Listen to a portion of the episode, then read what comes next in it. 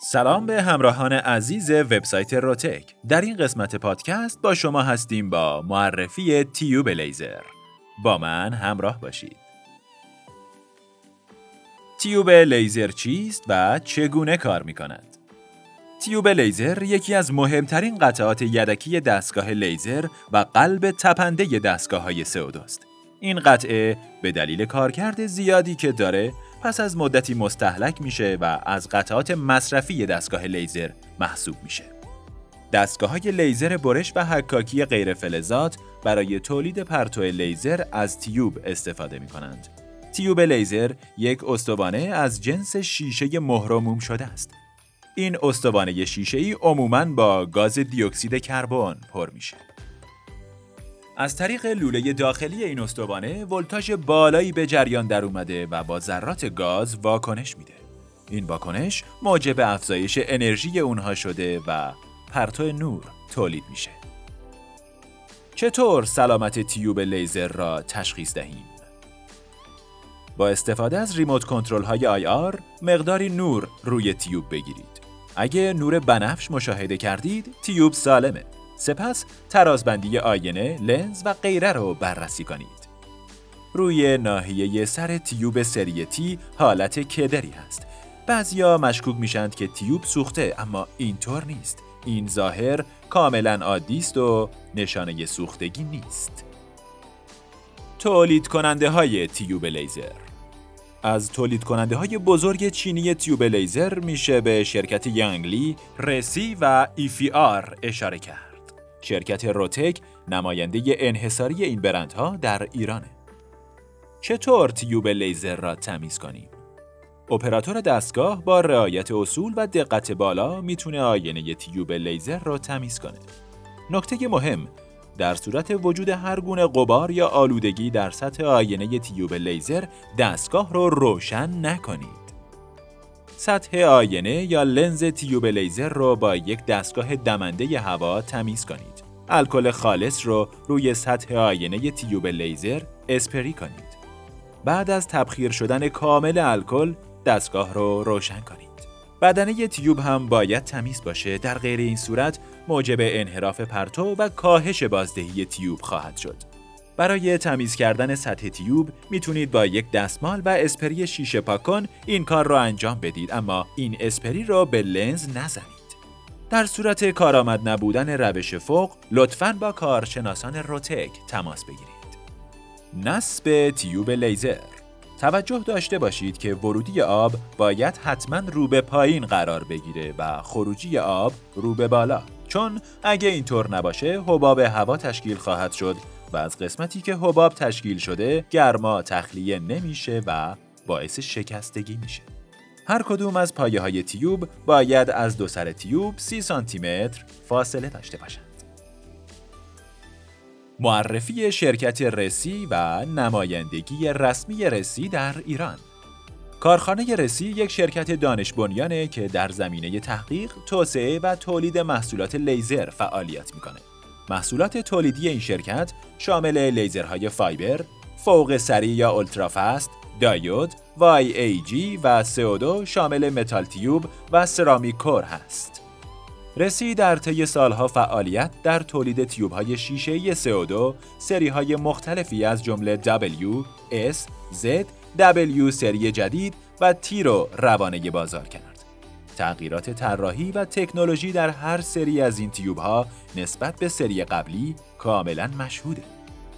روتک با واردات مستقیم از این شرکت به عنوان نماینده اصلی رسی در ایران فعالیت می‌کنه. و اما چرا تیوب رسی؟ تیوب لیزر در شرکت های مختلفی ساخته میشه ولی یکی از بهترین برندهای اون تیوب لیزر رسی است که یکی از بهترین ها در بازاره. همکنون نسل جدید این تیوب ها به بازار عرضه شده و دارندگان دستگاه برش لیزری می‌تونند برای خرید اون اقدام کنند. تیوب رسی با توجه به سابقه مطلوب تیوب صدوات و کیفیت بالاتر نسبت به سایر رقبا تونسته بخش عظیمی از بازار رو به خود اختصاص بده.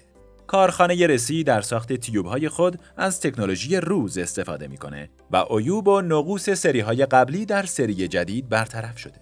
کیفیت خوب و همراه قیمتی مناسب باعث برتری تیوب های رسی نسبت به تولیدات رقبا شده. تاریخچه سری های مختلف تیوب های شرکت رسی در سالهای 2011 تا 2013 کارخانه رسی سری تیوب لیزر W خود را به بازار عرضه می کرد که میشه این سری رو جزو تولیدات موفق تیوب دستگاه لیزر کمپانی سری دونست چرا که تونسته بود تا حد بسیار زیادی رضایت مصرف کننده های این تیوب ها رو در مقایسه با سایر کارخانه های تولید کننده تیوب فراهم کنه. در سال 2013 این کمپانی تیوب لیزر رسی سری Z رو روانه بازار کرد که تفاوت محسوسی با سری W نداشت و این تیوب نیز تونست روند موفقیت های کمپانی رسی رو فراهم کنه. اما بزرگترین مشکلی که متوجه این سری تیوب های دستگاه لیزر بود نحوه اتصال ابتدا و انتهای تیوب به قسمت شیشه تیوب لیزر بود. چرا که لنز دستگاه لیزر و آینه دستگاه لیزر توسط پیچ های آلن محکم شده بود و در اثر جابجایی از محل خود جابجا شده و موجب از بین رفتن همراستایی دو آینه و در نتیجه خروجی پرتو افت شدیدی خواهد داشت. اوایل سال 2015 بود که رسی با تبلیغات گسترده تیوب لیزر رسی سری S رو به بازار ارائه کرد. سری S تیوب لیزر رسی با مدل های پیشین خود تفاوت بسیار زیادی در اتصال ابتدا و انتهای تیوب به بدنه شیشه‌ای داشت که کمپانی رسی با بهره‌گیری از آخرین تکنولوژی اتصال فلز به شیشه‌ای که ساخت کشور آلمان بود تونست مشکلات پیشین تیوب های لیزر رو مرتفع کنه و موجب شد که مشکل خروجی گاز لیزر از محل اتصال لنز و آینه که در های قدیمی با چسب متصل شده بودند و همچنین جابجایی لنز و آینه دو سر تیوب لیزر رو برطرف کنه. اما میشه گفت با وجود تمام این تمایزها نتونست محصول موفق در بازار باشه و کمی موجبات عدم رضایت مشتریان و کند شدن سیر سعودی این کمپانی بزرگ رو فراهم کرد.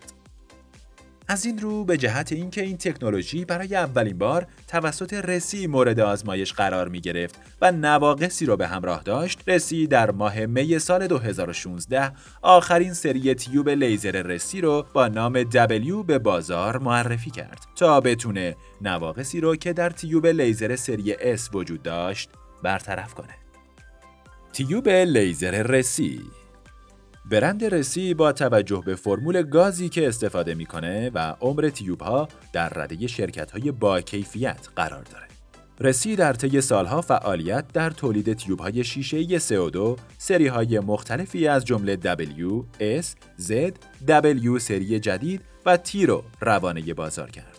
تغییرات طراحی و تکنولوژی در هر سری از این تیوب ها نسبت به سری قبلی کاملا مشهوده.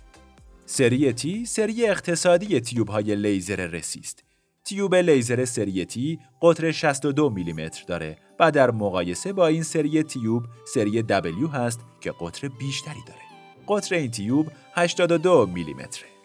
سری تی توان پایین تری از تیوب W نداره و هر دو تیوب با یک کیفیت کار می کنند. تنها تفاوت اونها در طول عمر تیوبه. و دلیلش هم به خاطر حجم بیشتر گازیه که تیوب W در خود جای میده چون قطر بیشتری داره و اینکه هرچه گاز درون تیوب بیشتر باشه دیرتر یونیزه میشه و کارایی خود رو دیرتر از دست میده شرکت رسی در ژانویه 2015 سری جدید تیوب های لیزر سری S رو بعد از تحقیقات و آزمایش های گسترده و جدی روانه بازار کرد. این سومین سری بهبود کیفیت تیوب لیزر شیشه‌ای رسیست و در طی ده سال توسعه تیوب لیزر CO2 همکنون به سومین نسل خود توسعه یافته. اولین نسل تیوب لیزر میله فلزی را مستقیما به تیوب شیشه‌ای متصل می کرد و برای خنک کردن آینه خروجی از آب استفاده می شد. از اونجا که در این نوع فرایند نمی‌شد زاویه آینه ها را با نصب کردن تغییر داد بنابراین ثبات حالت خروجی قابل تضمین نبود همچنین به دلیل اینکه سیستم سرد کننده آب باعث تفاوت دما از آینه تا لبه های اون می‌شد بعد از مدتی آینه های لیزر تغییر حالت پیدا می کردند. قدرت خروجی کم می شد و باعث نشت هوا از لوله می شد. در نسل دوم تیوب لیزر رسی بعضی از این مشکلات حل شد. در این نسل دو سر فلز پیچ قابل تنظیمی نصب شد تا توسط اون دقت تنظیم بالا بره و در نهایت محصول از کیفیت بالاتری برخوردار شد. قدرت لیزر نیز به مراتب بهتر شد و حتی قابل قیاس با نسل اول هم نبود ولی باز هم مشکلاتی وجود داشت که در نسل سوم سعی بر اون شد که تا حد زیادی اونها نیز برطرف بشه. سری جدید این تیوب ها به خاطر کیفیت بالا مسلما بازار خوبی را جذب خواهد کرد و بیشک زمانی که شما برای خرید تیوب دستگاه لیزر خود بخواهید اقدام کنید از بهترین گزینه ها برای انتخاب شما تیوب های لیزر رسی سری S خواهد بود. رسی در طی سالهای فعالیت خود در تیوب های شیشه CO2 مدل های مختلفی را روانه بازار کرد که تغییر طراحی و تکنولوژی در هر سری نسبت به سری قبل در تولیدات این کارخانه مشهوده. در ادامه با ساختار انواع مختلف تیوب های رسی آشنا میشیم. سری W سری قدیمی در اولین سری تیوب های رسی میله فلزی مستقیما به محفظه شیشه‌ای متصله و برای خنک کردن آینه خروجی از آب استفاده میشه. در سری قدیمی W تیوب لیزر رسی زاویه آینه ها پس از نصب قابل تنظیم نبودند بنابراین پرتو خروجی از تیوب ثبات خروجی قابل تضمینی نخواهد داشت از طرفی سیستم سرد کننده آب باعث ایجاد دمای متفاوتی از مرکز آینه تا لبه های اون می شد. این اتفاق باعث تغییر حالت آینه های لیزر، کاهش توان خروجی و نشت گاز از لوله خواهد شد. این سری تیوب لیزر به مدت دو سال با توانهای 60, 80, 120 و 150 وات تولید شد. به دلیل وجود این نواقص، سری W جای خود را به سری Z داد. سری Z این کمپانی در سال 2013 تا 2016 به مدت سه سال سری Z نسل دوم تیوب ها را روانه بازار کرد که تونست در میان مشتریان رسی محبوبیت فراوانی کسب کنه. در دو سر فلز تیوب سری زد پیچ قابل تنظیمی نصب میشه تا دقت کارکرد افزایش پیدا کنه و در نهایت پرتوی خروجی از کیفیت بالاتری برخوردار بشه. از طرفی قدرت پرتوی خروجی نیز با استفاده از این تیوب ها به مراتب بهتر شد و حتی قابل قیاس با نسل اول نیز نبود. سری Z کیفیت بهتری رو نسبت به سری قبلی خود داشت و مقبولیت بیشتری رو بین مصرف کنندگان به دست آورد ولی موردی که باعث شد رسی از تولید اون دست بکشه خرابی و برگشتی زیاد این نوع تیوب بود که شاید دلیل اصلی اون نوع آینه ها و نحوه fix شدن اونها بود. بزرگترین مشکل این مدل از تیوب ها نحوه اتصال ابتدا و انتهای تیوب به محفظه شیشه است. چرا که لنز دستگاه لیزر و آینه دستگاه لیزر توسط پیچ های آلن محکم شده و در اثر جابجایی از محل خود حرکت می‌کنه و موجب از بین رفتن همراستایی دو آینه میشه. در نتیجه این اتفاق خروجی پرتو افت شدیدی پیدا خواهد کرد. برای حل این مشکل رسی شروع به تولید سری S کرد. سری S اوایل سال 2015 برای رفع مشکلات موجود در سری Z، سری جدید تیوب رسی با نام S روانه بازار شد. در این سری طراحی تیوب ها از حالت سرپیچی به حالت سرجوشی تغییر یافت که این مسئله سبب شد مشکلات حاصل از تغییر جهت آینه های داخل تیوب به حداقل برسه. برای اتصال فلز به محفظه شیشه‌ای به جای پیچ‌های تنظیم دو سر فلز از قطعات فلزی گران قیمت استفاده شد. این قطعات آلمانی ساخت دستگاه‌های CNC هستند و باعث ثبات و قدرت تیوب‌های لیزر سری S شده است. در نتیجه این اتفاق مشکل خروجی گاز لیزر از محل اتصال لنز و آینه با چسب جابجایی لنز و آینه دو سر تیوب نیز برطرف شده. با وجود این کارخانه رسی باز هم دست به تغییر تیوب ها زد و سری جدیدتری را مجددا با نام W ارائه داد. با مسائل پیش اومده برای تیوب های سری Z، کارخانه سری جدیدی رو با نام S روانه بازار کرد. در این سری از تیوب ها طراحی نسبت به نمونه های قبلی به طور کل تغییر یافت و از حالت سرپیچی به حالت سرجوشی تغییر یافت که این مسئله سبب شد مشکلات حاصل از تغییر جهت آینه های داخل تیوب به حداقل برسه. با این وجود کارخانه رسی باز هم دست به تغییر زد و سری جدیدتری رو روانه بازار کرد. سری W جدید در سال 2016 سری جدید از تیوب لیزر رسی با نام W در توانهای مختلف 80 130 و 100 وات به بازار عرضه شد تا نواقص موجود در تیوب لیزر رسی سری S برطرف بشه. سری جدید W با ظاهری مشابه سری S، کیفیتی بالاتر و خرابی کمتری نسبت به محصولات سایر رقبا داشت. همچنین تغییراتی در جنس آینه ها، نوع کاتالیست و لایه داخلی تیوب این سری نیز ایجاد شده. سری جدید تیوب های رسی مجددا با نام W وارد بازار شد. این تیوب ظاهری مشابه با تیوب سری S داره ولی در این سری جنس آینه های استفاده شده متفاوته و نوع کاتالیست نیز تغییر یافته. دیگر مورد مشهود در سری W در طراحی تیوبه که لایه داخلی اون تغییر یافته.